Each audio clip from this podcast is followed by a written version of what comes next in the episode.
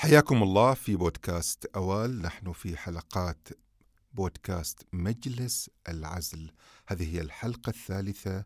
نستعرض فيها أهم تقرير كتب في مرحلة العشرينيات عن وضع البحرين.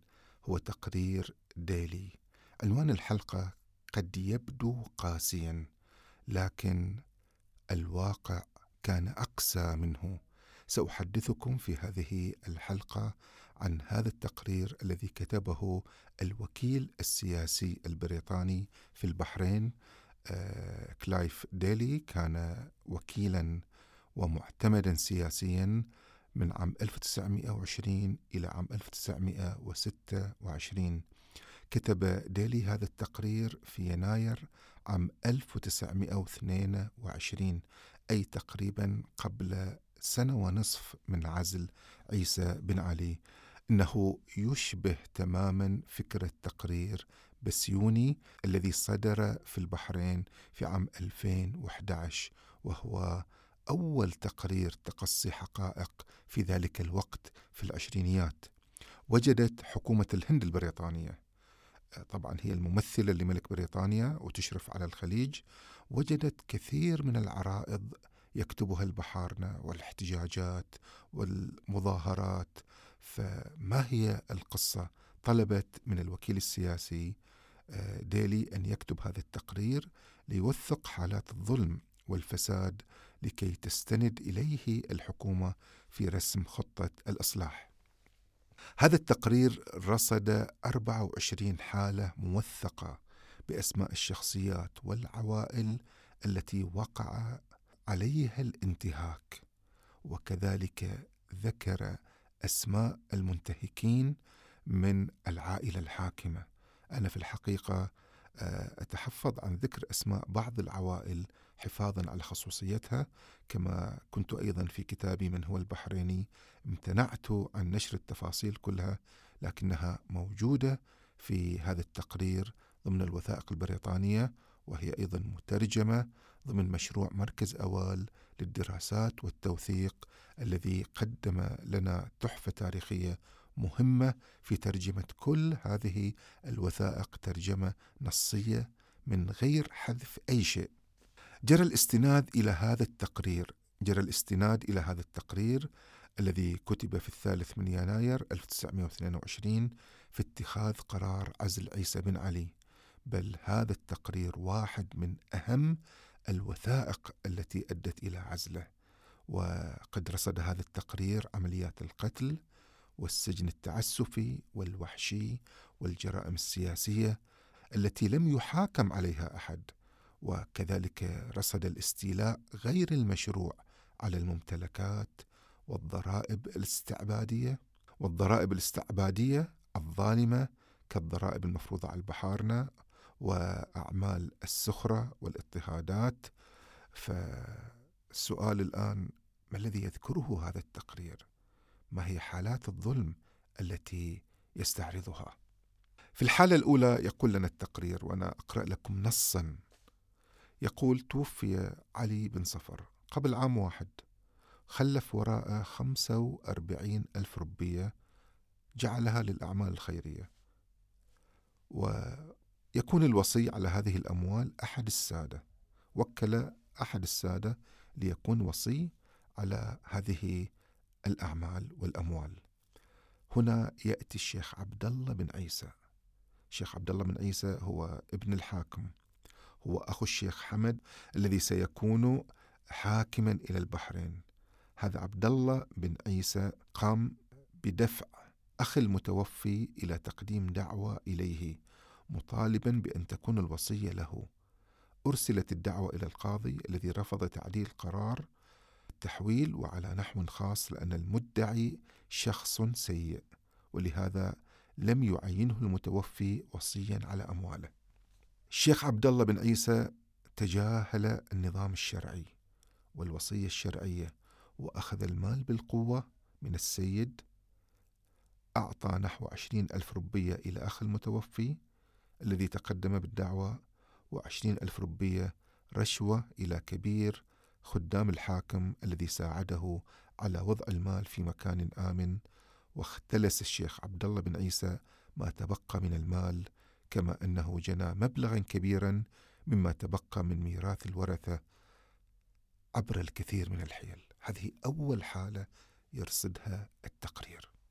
حقيقة الشيخ عبد الله بن عيسى شخص سيء جدا كان يطمح لأن يكون هو ولي العهد بدل أخيه شيخ حمد وكانت أمه كذلك عائشة زوجة الحاكم متسلطة وقوية وتملك نفوذا كبيرا في السلطة وسعت لعزل حمد وتنصيب ولدها عبد الله مكانه لكن البريطانيين كانوا ملتزمين بالقرار الرسمي لولاية العهد الذي ثبت حمد في عام 1901 وهذا القرار ينص على أن حمد هو أكبر الأخوة وهو ولي العهد. حقيقة أن الشيخ عبد الله بن عيسى تقريبا هو الشخصية المعادلة لشخصية علي بن أحمد التي تحدثنا عنها في بودكاست الشيخ والسخرة. فأعمال النهب والسرقات الموثقة كلها في حالات آه، في أعمال النهب والسرقات الموثقة. تقرير ديلي تقريبا 90% كلها تعود إلى عبد الله بن عيسى. هو بطلها. هو بطل هذا التقرير. بل يكاد يكون هذا التقرير هو تقرير عن الشيخ عبد الله بن عيسى. مع الأسف آه، يستحضر عبد الله بن عيسى المولود في عام 1883 والمتوفي في عام 1966 يستحضر في ذاكرتنا الوطنية الذاكرة البحرينية كشخص ريادي. له إسهامات في التعليم والبلدية هو أول رئيس لأول مجلس بلدي في العاصمة 1920 أول وزير معارف في عام 1931 ولكن الحقيقة معاكسة لهذه الصورة. البريطانيون كانوا يضعون أفراد من آل خليفة في مواقع المؤسسات التي ولدت مشاريع الإصلاح من خلالها كالبلدية وكالتعليم كي يقنعوا هؤلاء بالإصلاحات وأنها لن تنال من حصتهم في التحكم والسيطرة. آه، وكذلك لكي يشعروا أن هذه المشاريع منبثقة منهم وهي مشاريعهم. هذه كانت سياسة البريطانيين. ليسوا لأنهم أشخاص مؤهلين ليسوا لأنهم أشخاص آه، أصحاب كفاءة ولكن لكي يدفعوا بعملية الإصلاح السياسي. آه، نعود إلى الحديث عن نماذج الظلم التي ذكرها ديلي. يرصد حالة أخرى.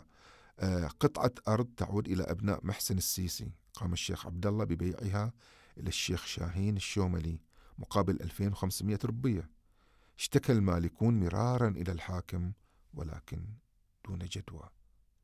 في حالة أخرى أيضا بطلها الشيخ عبد الله بن عيسى.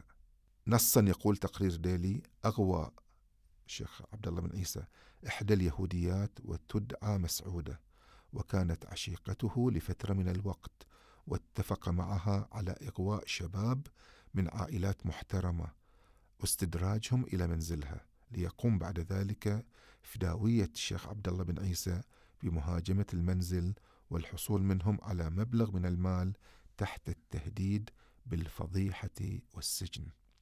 حالة رابعة أيضا يرصدها تقدير ديلي عن اختطاف زوجة أحد الخياطين من السنابس تم حجزها في منزل الشيخ عبد الله في منزل الشيخ عبد الله عدة أيام وتم تهديد الزوج الذي لا يمكنه التقدم بالشكوى إلا إلى الشيخ عبد الله نفسه لأنه هو هو الحاكم الإقطاعي لمنطقة جد حفص والسنابس لا يمكنه التقدم بالشكوى إلا إلى الشيخ عبد الله نفسه وهو الحاكم المطلق هناك.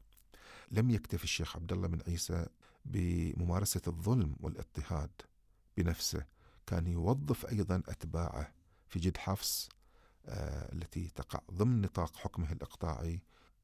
كان وزيره وزوجة هذا الوزير يعملان بالدعارة لصالحه وقد أجبرت الكثير من النساء على زيارة الشيخ عبد الله في منزل الوزير.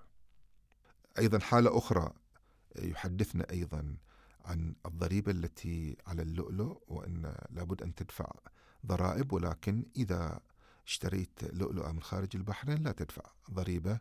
آه، قصة أحمد بن خميس مشهورة طبعا موثقة في هذا التقرير كيف أنه أجبر أيضا على أن آه، يدفع ولم يقبل الانصياع لذلك. التقرير يقول لنا أرسل الشيخ عبد الله بن عيسى رجاله لمطالبة آه، أحمد بن خميس بالضريبة لكنه رفض. لجأ إلى مبنى الوكالة البريطانية لطلب الحماية آه، ولكن هناك آخرون آه، من الشيعة فرض عليهم ذلك. يقول التقرير ولكن هناك آخرون فرض عليهم دفع الضريبة بشكل غير منصف. هم الحاج حسين المدحوب الحاج متروك الحاج عبد الله أبو ديب آه، الحاج علي بن حسين الحايكي الحاج جواد. هذه طبعا شخصيات معروفة في المجتمع البحراني وهي شخصيات تجارية تعمل باللؤلؤ وكانت تعاني من ظلم وصلافة عبد الله بن عيسى.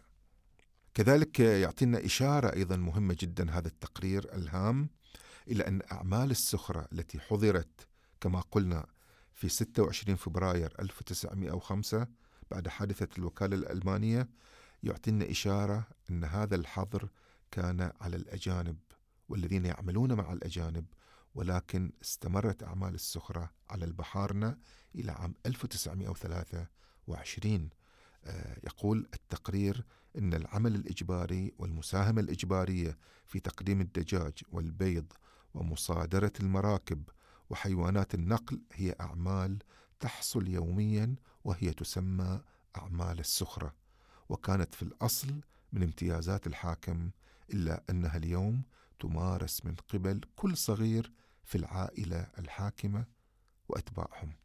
هذا نصا من تقرير ديلي.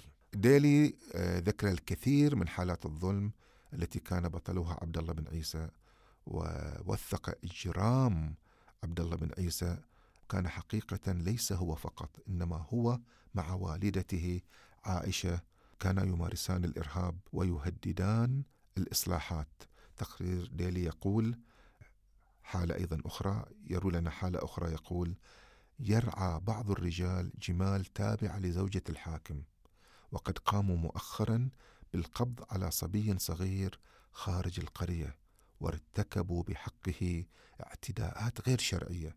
اعترض القرويون وقالوا إنهم سيشكون الأمر للملكة وعندما فعلوا ذلك قامت السيدة بسجن 12 رجلا من القادة ووضعتهم في السجن وقد رفضت إحالة القضية إلى القاضي ومن ثم أطلقت سراحهم بعد دفع كل منهم 250 ربية. يعني سجنتهم ودفعتهم واعتبرتهم هم المجرمين. طبعا في هذا الوقت لأن من قدموا الشكوى هم من البحارنة فهم بحرينيين فبالتالي حكمهم لم يكن يخضع إلى السلطة القضائية البريطانية. حقيقة ليس عبد الله بن عيسى وأمه فقط بل حتى ابنه محمد. أيضا تقرير الميجر ديلي يقول لنا حاول محمد بن الشيخ عبد الله بن عيسى حاول محمد إغواء ابن التاجر معروف من المحرق. لكنه فشل في ذلك. طبعا هو تقرير يذكر اسم التاجر وفي مساء أحد الأيام أمسك مع بعض خدامه بالفتاة في إحدى الأزقة ووضع حراسا عند نهاية كل شارع ليتم بعد ذلك اغتصاب الفتاة. علم الأب بأن العدالة لن تأخذ مجراها وخوفا من تشويه سمعة العائلة حاول الحفاظ على كتمان المسألة. إلا أنها باتت معروفة الآن جيدا. هكذا يرسل لنا التقرير حالات قاسية جدا. من هنا قلت لكم أن العنوان صحيح قاسي ولكن الواقع كان أقسى وعلى الرغم من حقيقة عبد الله بن عيسى الإجرامية المخفية عن الذاكرة البحرينية إلا أن الشيخ مي الخليفة في كتابها سبز آباد الذي يتناول موضوع الإصلاحات في العشرينيات مي تقدم صورة مشرفة له. تقول أنه أول دبلوماسي بحريني زار لندن وأن هذه الزيارة تعبر عن رياديته أنه النائب الأول لوالده والمسؤول الإداري عن قريتي جد حفص والسنابس. يعني لا تقول أنه المسؤول الإقطاعي تقول المسؤول الإداري عن قريتي جد حفص والسنابس. أيضا لم تنسى أن تسبق عليه صفات وطنية تليق برجل العائلة الحاكمة. فتقول إنه يمتلك مهارات التفاوض والتحدث اللبق كما ظهر في زيارته إلى آه، لندن حسب قولها وهو قدم مطالب وطنية هناك تتمثل في استقلال الحاكم والحكومة عن المعتمد السياسي وطالب بسحب قانون المستعمرات. تزيف حقيقة الواقع. هي تقصد بقانون المستعمرات مرسوم البحرين الملكي 1913 لخصصنا إلى خمس حلقات تحدثنا بالتفصيل عنه وكذلك هي تقول استقلال الحاكم تقصد أن الحاكم عيسى بن علي لابد أن يستمر في حكمه ويستمر في مظالمه وأنه يمثل حكومة وطنية وأن هذا ضد الاستعمار. طبعا كل ذلك ليس صحيحا. وتقول أيضا أن عبد الله بن عيسى سعى لاستقلال الإدارة الأهلية في البحرين وتعتبره واحدا من الآباء المؤسسين للدولة وأول رئيس لأجهزتها الإدارية. وطبعا هو أول وزير معارف في عام 1931 هذه الصفات والمناصب التي ذكرتها مي تتنافى كلها مع الجرائم التي كان يقوم بها عبد الله بن عيسى. هو ذهب إلى لندن كجزء من خطة البريطانيين لتثقيفه وتعليمه أسس نجاح الإدارة البريطانية. هكذا كان البريطانيون يريدون أن يخرجوه من مسلك الإجرام إلى أن يعرف كيف يدير الدولة كيف يكون جزء من تطوير بلده. كان البريطانيون يريدون أن يرسخوا في ذهنه فكرة الدولة الحديثة بدل أن يكون مجرما وقاطع طريق وحاكما إقطاعيا. هم كانوا يفكرون في الحقيقة في نفيه من البحرين. هددوه بذلك ولكن تركيب العائلة الحاكمة وقوة نفوذ والدته التي كانت تعارض هذه الإصلاحات وتعارض ولاية العهد لحمد ومشروع تنصيب آه، حمد بن عيسى حاكما كانت تعارض كل ذلك جعلت البريطانيين يفكرون بطريقة سياسية أخرى. أسندت إليه رئاسة مجلس التجارة والغوص في البحرين والمجلس العرفي وكان مستشارا لحاكم البلاد وأول وزير معارف ولكن هو في الحقيقة أول وزير معارف مجرم ومغتصب. ولكن المسألة كما قلت تعود إلى سياسة بريطانيا وحنكتها وذكائها. آه، أرادت وضعه تحت السيطرة أرادت ترويضه ودفعته ليكون طرفا في حزب الإصلاحات كي يتم استغلال قوته وقوة والدته في المكان المناسب. في مقابل كل هذا الضغط وكل هذا الوضع وكل هذه الوقائع وكل هذه الاعتراضات تقرير ديلي يقول لنا أيضا أن عيسى بن علي سعى لتزييف الواقع منذ تلك اللحظة. حاول إجبار القرويين على توقيع وثيقة موجهة إلى الحاكم يعبرون فيها عن مودتهم ورضاهم عن حكمه إلا أن تلك المحاولة فشلت بالكامل. هكذا تقرير آه، ديلي يقدم لنا وقائع صادمة وقاسية وتوضح لنا لماذا جرى هذا العزل. حقيقة أن ديلي يستحضر أحيانا بطريقة فلكلورية آه، أو بطريقة شعبية أو ك... ك... كذاكرة آه، لا تعبر عن قسوة الواقع ولا يستحضر تقرير ديلي. ديلي يأتي عادة في الذاكرة البحرينية آه، كجبروت حكم ديلي صاحب سلطة قوية ومفروضة على الحاكم ولكن لا يحضر كمحقق كتب لنا أبرز وأهم وثيقة في فترة العشرينيات بل في فترة البحرين كلها في تاريخ البحرين كلها. شكرا لكم.